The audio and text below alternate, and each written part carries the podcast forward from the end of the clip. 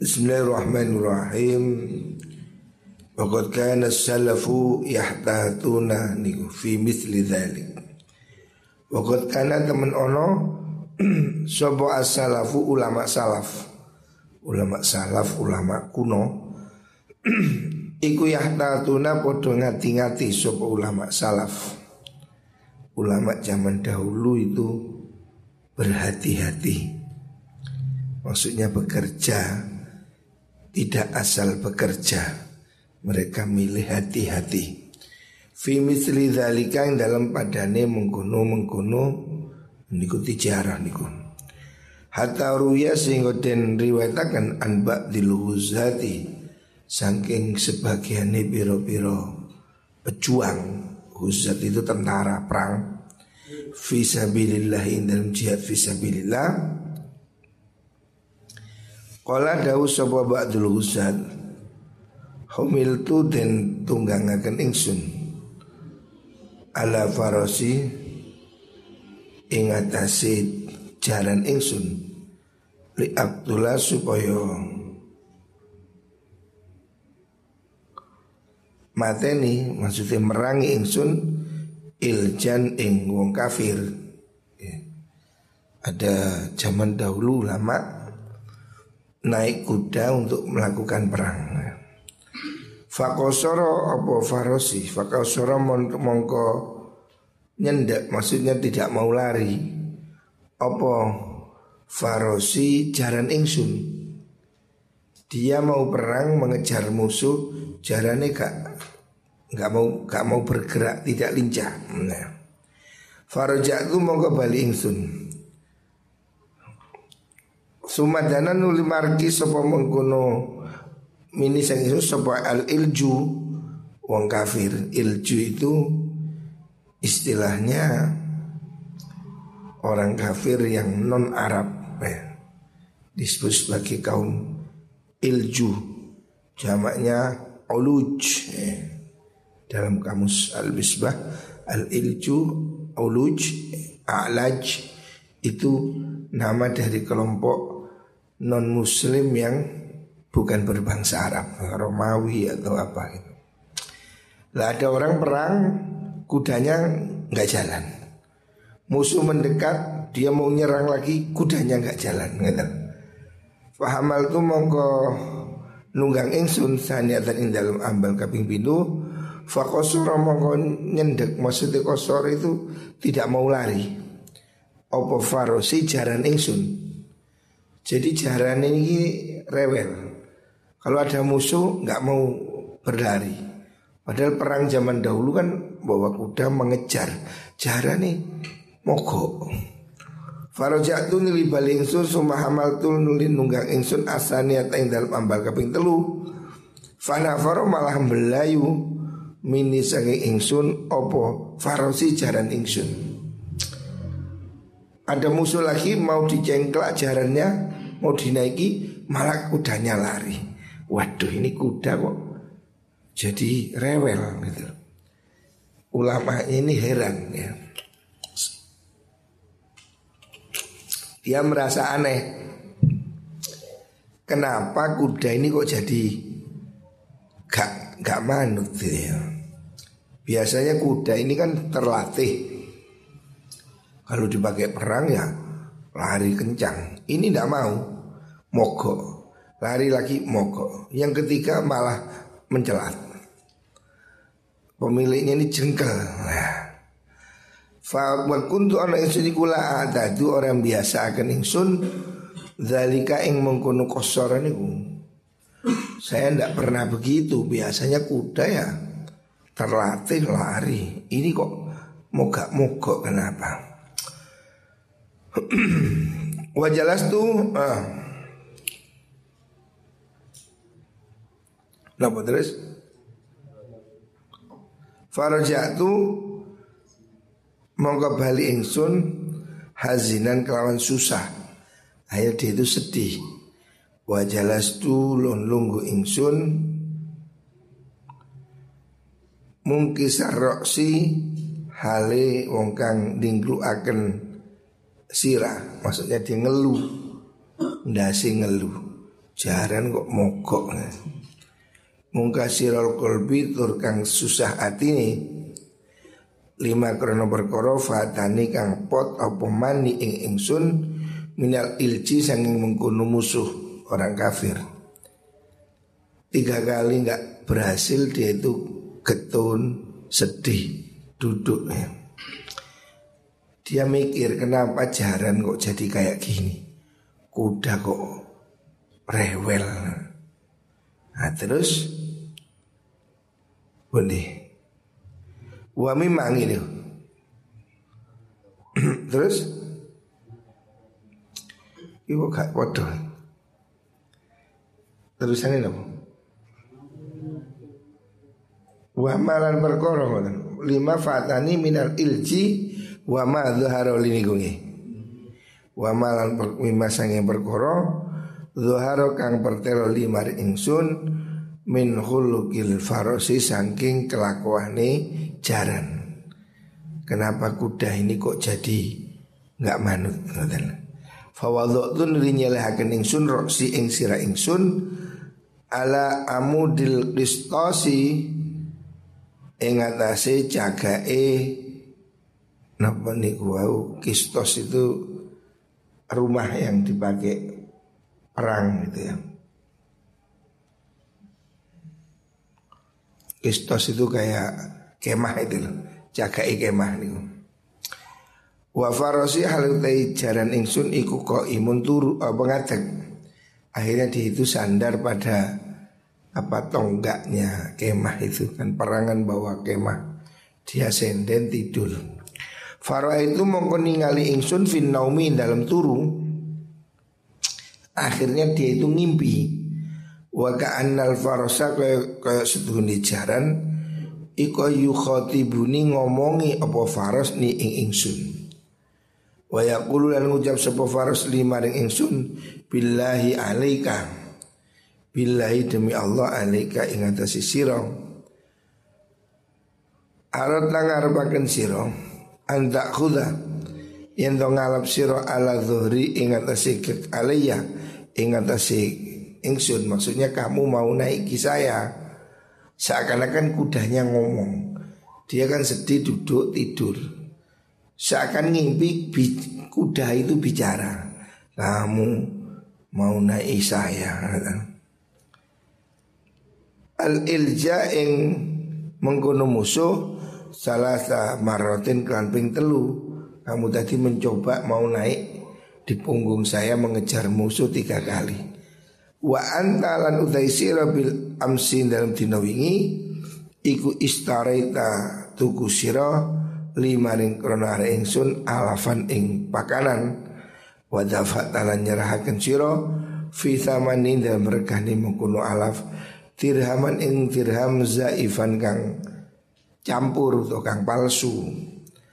Layakunu mongko ora ono apa hadza ikilah mengkono anta khudaniku abadan in dalam selawasi. Jadi kudanya itu bicara dalam mimpi. Kenapa dia tadi mogok tidak mau diajak perang? Ternyata kudanya ini ngomong di mimpi itu diskusi dalam mimpi.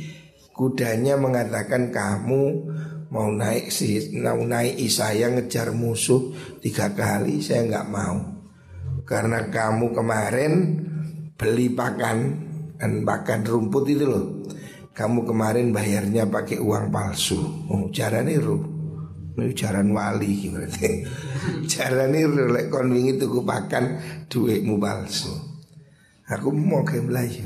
Pakanku gak halal, kira-kira. Jadi ini kuda ajaib ini. Ya memang sih ngomong itu ya wali. Jadi dia kan tadi mau perang, caranya mogok sampai tiga kali. Dia sedih, kehilangan kesempatan. Ternyata dalam tidur dia ngimpi jarannya mengatakan begitu. Dia nggak mau lari gara-gara kemarin dia beli pakan itu pakai duit campuran atau duit palsu. Saya nggak mau. Jadi kudanya nggak mau. Ini kuda ini kuda yang anu nih soleh. Gak harap mangan barang haram. Kuda loro barang haram. Menungso ngawur berarti kalah karo jarang Iki orang cerita ini jaran milih makanan. Dikai pakan duit gak halal. Dia itu lu gak gelem layu. Menungso yang ngono rek. Manusia ini kalau makanannya tidak halal sulit untuk diajak kebaikan ini sulit. Orang kalau makanannya halal ya, kalau makanannya baik, maka cenderung membuat pikiran dia ini menjadi halal. Sehingga pekerjaannya baik. Tapi kalau orang ini sudah makanannya haram, hasil nipu, judi, apalah yang tidak halal, maka membuat pikirannya ini juga terkontaminasi haram. Hingga pikirannya jalue turu, eh, tidak ngaji, abot, jalue game, film, warnet, pikirannya nyiliut. Karena bensinnya bensin campur. Ya padahal sepeda motor dikai bensin dawet. Ya kayak iso mlayu. Berebet. Menungso lek panganan gak halal. Ya ngono iku mang. Sulit menjadi baik. Saya pernah ketemu seorang kiai ulama Habib. Ya cerita ada orang di sini dulu sebelah saya ini ada pesantren Syiah. Sekte Syiah ya. Mereka datang kepada saya belajar bahasa Arab di LPBA dulu saya ngajar di lembaga bahasa. Mereka datang ya sekolah biasa. Lama-lama dia pamitan minta maaf sama saya dia mau pulang mau pergi dia minta maaf dia bilang saya minta maaf Ustaz. Kenapa? Kita ini sebetulnya itu Syiah. Mereka itu sedang orang Syiah yang sedang pura-pura gitu Ya tapi kita diskusi setiap hari baik-baik saja. Saya cerita pada seorang kiai. Ada orang syiah pura-pura. Kan mereka kerjaannya memang pura-pura. Tapi ngaku saya bilang Habib itu bilang itu makanannya halal. Orang kalau makanannya masih halal dapat hidayah. Hmm. Kalau orang itu sudah makanannya tidak halal Sulit Seringkali yaitu Fikirannya menjadi ter, terkontaminasi haram Makanya dulu kiai saya di pondok Kiai Mahrus bilang kalau orang itu kerjanya tidak halal umpamanya apalah yang yang bau-bau tidak halal jangan dibuat ngirim anak ke pondok. Anak di pondok ini harus diberi makan yang halal supaya dia mau ngaji, mau jamaah, mau jadi baik karena makanannya baik. Tapi orang ini kalau sudah makannya tidak baik, apalagi nyolong, waduh, sulit menjadi orang baik. Jadi dimulai dari makanan kita. Makanya sing hati-hati ya. Urusan harta ini jangan sembrono. Ya, jangan jangan mengambil yang bukan haknya. Kala dawu sapa ba'du salaf tu mongko tangi ingsun fazan kelawan kaget dek kaget ngipi diajak omong sama kuda. Fadhab tu mong kebudahan ingsun ilal alafi maring tukang dodol pakan niku. Akhirnya diajari orang yang jualan pakan wa abdal tulan ganteni ingsun zalika dirham ing mengkono dirham. Yang kemarin dia keliru ngasih uang palsu, uang cacat diminta ditukar. Nah, artinya dia menebus kesalahan. Fahada utawi ikilah mengkuno mengkuno niki wau penggawean niki zaiful uang palsu niki iku misaluma contohnya perkara ya ummu kang dadi umum apa bahaya nima wal yukos lan becik dan pada akan alihi ingatasi mengkuno misal opo amsaluhu piro-piro padane mengkuno misal. Imam Ghazali kemarin kan sudah menyatakan ya bahwa tidak boleh melakukan transaksi dengan memakai uang palsu. Kalau zaman dulu uang campuran bahannya kan pada masa itu uang itu emas atau perak. Tapi sudah ada juga orang yang memalsu emas dicampur. Kalau hari ini konteks hari ini ya uang palsu itu. Ini termasuk berbuat zalim orang yang menjual melakukan transaksi dengan memakai uang palsu. Makanya Imam Ghazali mengatakan bahwa itu tidak boleh dilakukan ya tidak boleh dilakukan karena itu akan membahayakan orang lain. Ya. Bisa jadi membahayakan itu secara umum kalau dilakukan transaksi di tempat terbuka atau bisa jadi itu hanya pada sebagian orang. Ya, ini bagian yang kedua. Al-qismusani utai bagian kaki bindu iku ma perkara ya khusu kang tertentu opo doror al muamila ing wong kang nyambut gawe. Ada yang dorornya merugikan banyak orang seperti melepas uang palsu di pasar kan berputar di banyak orang. Wa kullu mates kabani perkara yastadhiru kang amri bahaya merugikan. Bi kelawan masuk al amilu amil fahuwa mongko utawi ma Estadiru amri bahaya Maksudnya yang merugikan. Orang melakukan perbuatan yang bisa merugikan orang lain Fawau tema iku zulmun zalim. Itu disebut zalim ya. Wa innamal adlu keadilan Artinya berdagang yang adil Yang lurus Iku Allah ya dhurra Allah yudhirra Yang orang bahaya ni sebuah wong bi akhihi kelan sedulure wong al muslim kang muslim. Artinya jangan pernah melakukan bisnis yang merugikan saudaranya apalagi kepada sesama orang Islam. Wadhab itu tai pelanggaran nih Maksudnya secara garis besarnya ya Al-kulliyu kang umum yang dobitul kulli maksudnya uh, apa namanya batasan yang umum ya global. Al jumali kang bongso gemblengan secara garis besar iku Allah yuhibba. Yen to ora demen sapa wong lahu maring mengkono akhihi illa ma angin perkara yuhibbu kang demen sapa wong li nafsihi maring awak dhewe wong Kesimpulannya ya yang kedua dalam masalah ini Jangan melakukan sesuatu yang kamu tidak ingin diperlakukan. Atau dalam bahasa lain Perlakukan orang lain seperti kamu ingin diperlakukan. Jangan melakukan kejahatan dalam transaksi. Jangan menipu, jangan bohong, jangan curang ya. Hidup satu kali urip sepisan. Lakukan yang terbaiknya. Kalau kita hidup ini penuh dosa, penuh kejahatan, alangkah sedihnya. Karena setelah hidup ini mati, setelah mati hidup lagi. Ini sudah selesai. Artinya kerugian besar kalau satu kali hidup ini tidak membuat kita selamat masuk sampai ke surga. Jangan berbuat jahat pada siapa pun ya. Jujurlah. Meskipun orang lain gak jujur Kamu jangan ikut-ikut tidak jujur. Kamu akan selamat ya. Berkah selamat gitu.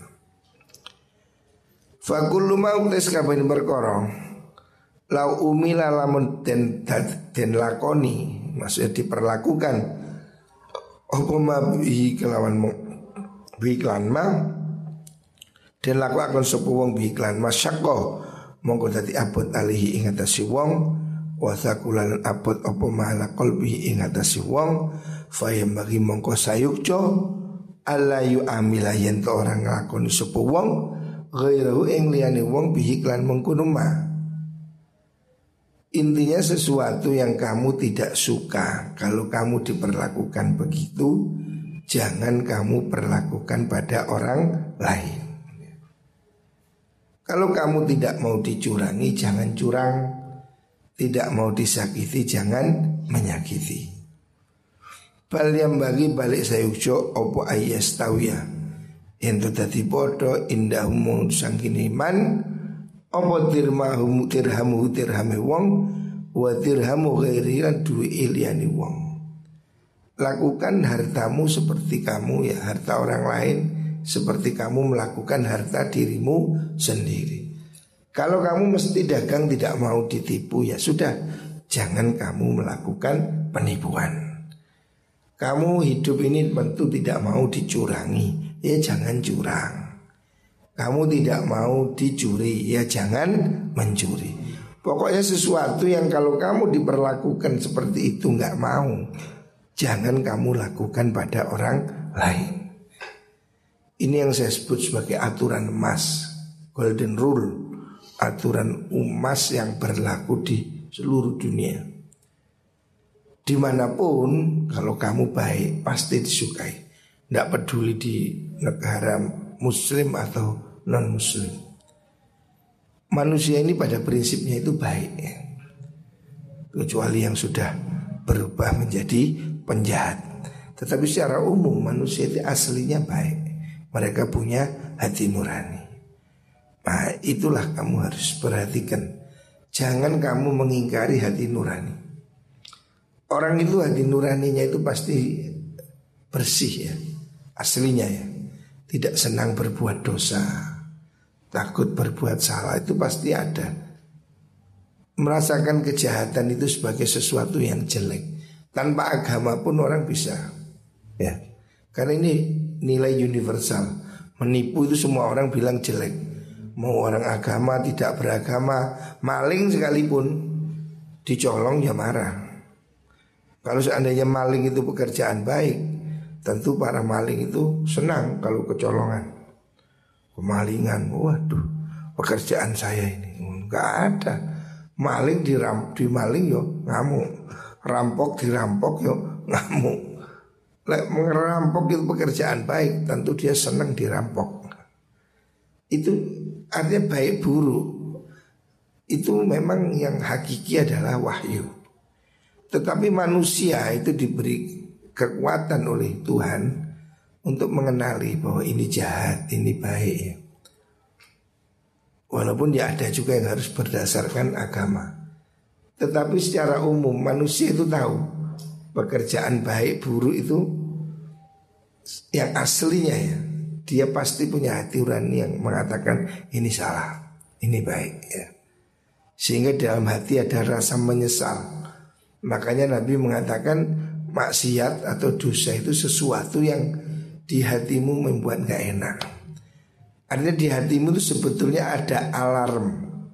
Gusti Allah itu menaruh alarm di hatimu, di jiwamu yang merasa kamu tidak nyaman berbuat salah. Tetapi kalau alarm ini kamu matikan, saking biasai, akhirnya goro bentino, suwi-suwi enak, Ya enggak ngomong so salah wis kadung enak. Orang berbuat jelek itu kalau lama-lama kan enak. Ya bodoh wong rokok ya. Asli ini rokok kan pahit toh. Mau baku diobong coba. Aslinya rokok itu mestinya pahit. Tembakau itu pahit. Tapi kenapa orang ngerokok jadi nikmat? Karena ya dicedot bentino sedot sedot itu enak. Ya kamu ke tempat sampah pertama kali mungkin ya jijik.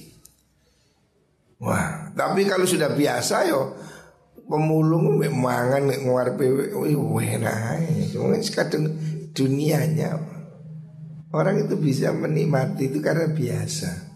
Kalau orang yang nggak biasa buang sampah mungkin ya merasa nggak nyaman. Tapi kalau orang biasa di TPA TPA itu kan lautan sampah, orang bikin gubuk di situ, tinggal di situ, ya tidak apa-apa. Gak nutupi irung, biasa. Tapi orang yang baru datang ya mesti bau nggak enak. Tapi karena dibiasakan jadi enak gitu Jadi perbuatan jelek itu kalau sudah dibiasakan dia lama-lama mati hati nuraninya.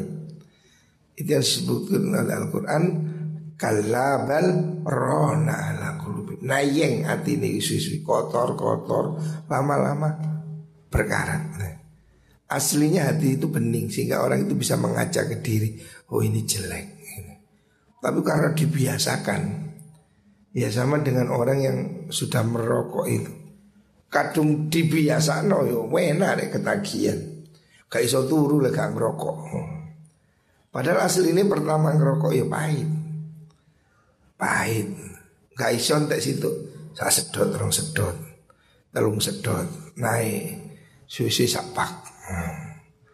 Jadi kejelekan kalau dilatih, susu ya enak. Kebaikan pun juga begitu kalau kamu latih. Biasa sholat duha, gak sholat duha merasa gak enak. Biasa tahajud, kesiangan merasa gak enak. Ya, makanya kita harus melatih diri untuk yang baik. Jangan sampai melatih diri untuk hal-hal yang jelek. Boleh kadung biasa, ya hati nuraninya mati. Akhirnya ya tidak menyesal, ya, itu bahaya orang itu masih punya iman. Indikatornya. Kalau dia berbuat jelek itu menyesal. Itu berarti imannya masih ada. Kalau orang berbuat jelek itu masih hatinya sedih Berarti dia masih punya iman. Orang kalau tidak berbuat baik itu nyesel Berarti dia punya iman. Ketinggalan jamaah kok sedih Mau jamaah. Nah itu berarti punya iman. Tapi lah uang itu arti ini mate. Yo berbuat jahat tidak ada tidak ada kesedihan. Menganggap itu biasa itu faktor hatinya yang sudah rusak. Orang kalau sudah rusak yo, dia nggak merasakan apa yang dirasakan orang. Wong ini umumnya kupingnya kerungu, bengoki ya kerungu, les budak masih kok setel salon yo pancet budek mani kupinge rusak. Lah ya apa Lah orangnya hati nuraninya kalau satu kadung biasa ditutup di, ya lama-lama ya menjadi gelap ya. Nah bilang lakukanlah yang baik untuk orang lain seperti kamu ingin diperlakukan. Fayam bagi Kalau dahu sebuah ba'dum sebagian ulama ada ulama ya yang dahulu ikut berdagang. Ulama itu juga ada yang pengusaha banyak. Imam Hanafi itu ngaji sambil jadi tukang kain. Banyak ulama yang sambil bekerja. Makanya ada julukan seperti Al-Attar. Itu kan julukan tukang bakul minyak wangi. An-Najjar itu kan tukang apa namanya itu kayu al-bazaz itu kan julukan-julukan pekerjaan asobar jadi mereka punya apa profesi yang terkenal makanya dijuluki ya. ya kalau seperti di sini ya tukang apa tukang ledeng tukang kayak kebersihan itu kan bukan profesi. Profesi itu yang seperti tukang cukur, kondektur, direktur. Jadi orang pada zaman dahulu orang-orang alim itu bekerja. Makanya mereka diberi gelar sesuai julukan Al-Mawardi. Itu kan gelar bisnisnya. Jadi ulama itu tidak harus apa diem terus tomak tidak. Semua orang harus bisa mencukupi kebutuhan dirinya adalah. Jangan menggantungkan hidup pada orang lain.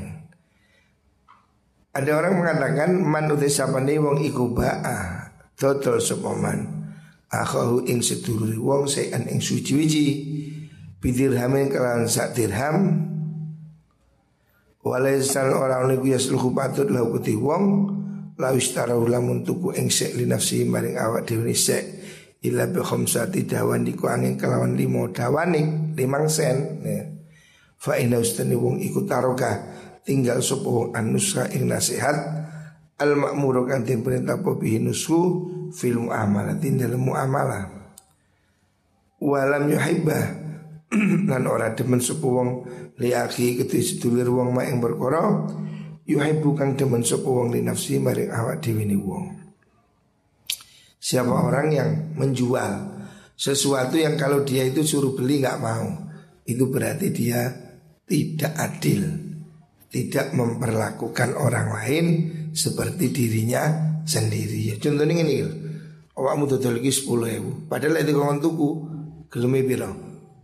Rong ewu. Ini kene gak adil wong liya kok kon tuku 10, awakmu dhewe kon tuku mek rong ewu. Nah, ini namanya kamu tidak memperlakukan orang seperti kamu memperlakukan dirimu. Ada nang wong apa nekan. Tapi lawe dhewe gak gelem. Ini ndak boleh. Istilah wong Jawa itu ya wani dodol wani tuku bener. Jadi ya rego iku sing wajar. Oh iki biasa telung ewu ya telung ewu cok terus ketok wong butuh lima ewu nggak boleh. Oh, kamu kalau disuruh beli tiga ribu orang lain suruh lima belas. Ini kan tidak wajar. Untung itu ya boleh, tapi ya wajar lagi biasanya pula aneh santri maunya dua setengah jual tiga ribu wajar. Tapi kalau pula aneh rong ewu, total rong puluh ewu. Yo, itu jenenge apa ini ya jual beli yang ya walaupun sah orang jual mahal itu boleh tapi kan dia tidak apa tidak tenggang rasa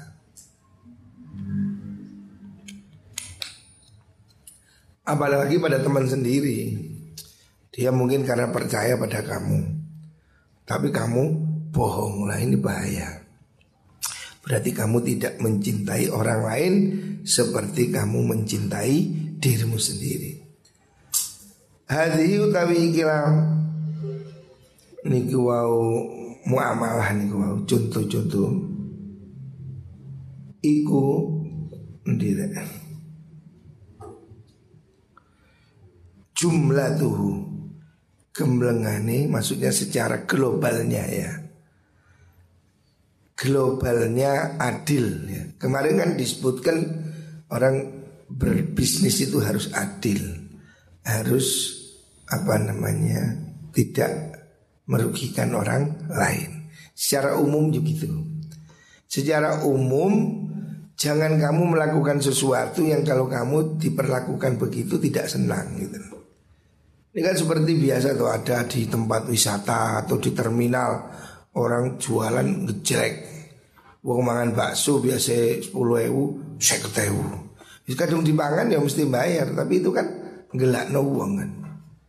Saya lihat dan itu merugikan dirinya sendiri. Ada kadang warung itu yang begitu.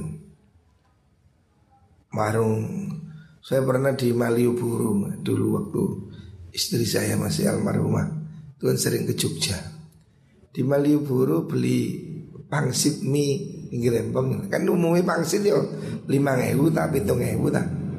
Dia narik tiga puluh lima ribu. Ya masuk kata kekiran ya terpaksa bayar walaupun hati dongkol. Dan setiap lewat situ saya selalu ingat dan seumur hidup tidak mau beli saya. Penjahat ini.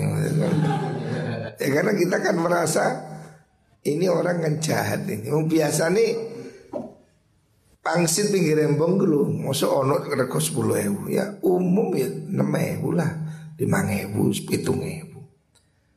Wong pangsit kaki lima di trotoar gitu Kan saya dulu kan sering ke Jogja kan Kakek Kakek istri saya itu kan Jogja. Ikut di sana ya jalan ke Malioboro apa sore-sore gitu. Ya itu banyak yang pedagang begitu. Nah yang seperti itu kan tidak boleh ya Walaupun dia sah saja memang di kita juga nggak mungkin nawar. Harusnya memang ya salah saya. Saya bilang ya ini istri saya kan ya ngomel juga ini gimana ya sebenarnya biarin. Memang salah. Harusnya kita itu mau beli tanya. Itu sih bener. Berapa pak? Terung bulu kasih tong tutup rekan Ya salah dewi kan langsung makan lagi ya salah dewi. Itu kan sering ada viral di media ada orang mudik mampir warung target satu juta. Itu memang ada ya, itu kan nakal sebetulnya.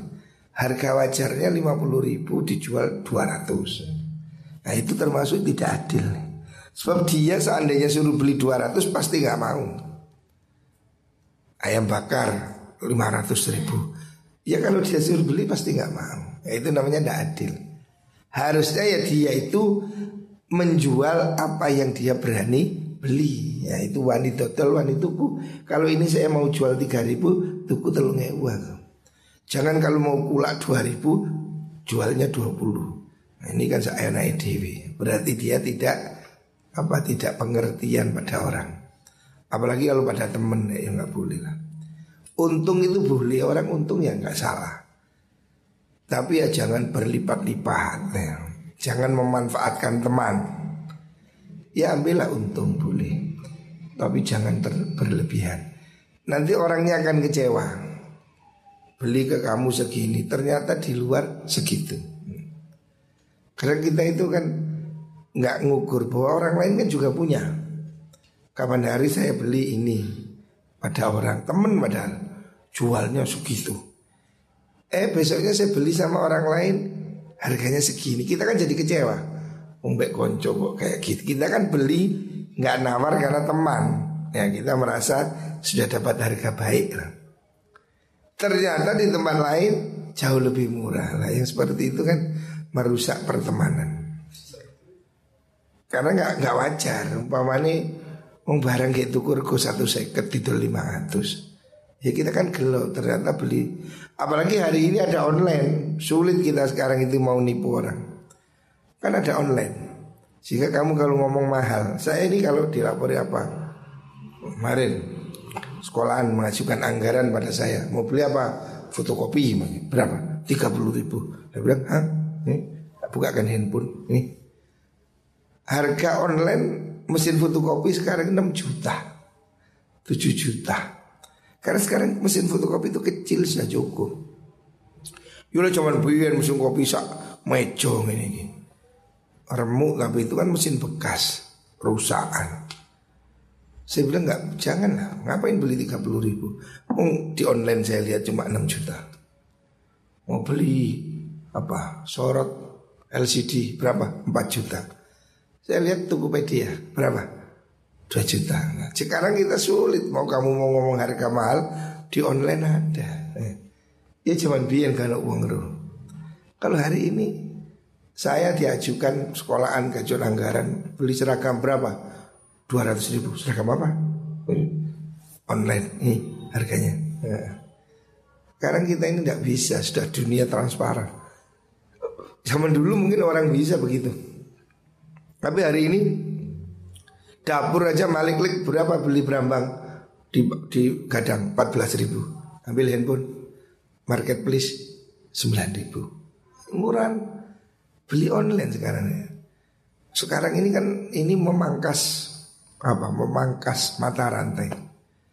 Dulu orang kan beli mesti di pasar, di pasar kan dimainkan harganya. Dengan adanya online orang kan bisa jual di rumah.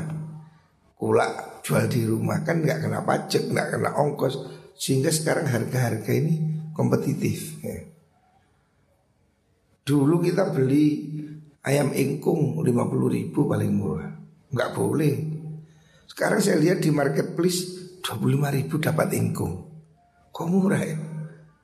Ya, ya itu mungkin ya Karena dia kan nggak buka warung nggak buka biayanya lebih ringan ya. Makanya saya itu mendorong kamu itu belajar jual beli online. Contohnya dodol bakso Di nopal dodol bakso kok debu sepi. Coba kau dodol online Buka Shopee Buka Tokopedia Buka Marketplace Nah itu jual bakso Jual ya payu.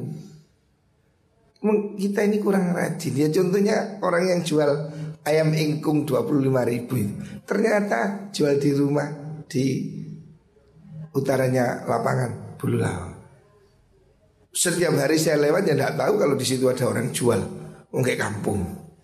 Tapi dengan dia jualan di marketplace Semua orang kan buka handphone Keluar seret ayam sawewu Tenang tak Coba Betul pak betul. Dikirim. Sawewu saya oleh ayam utuh.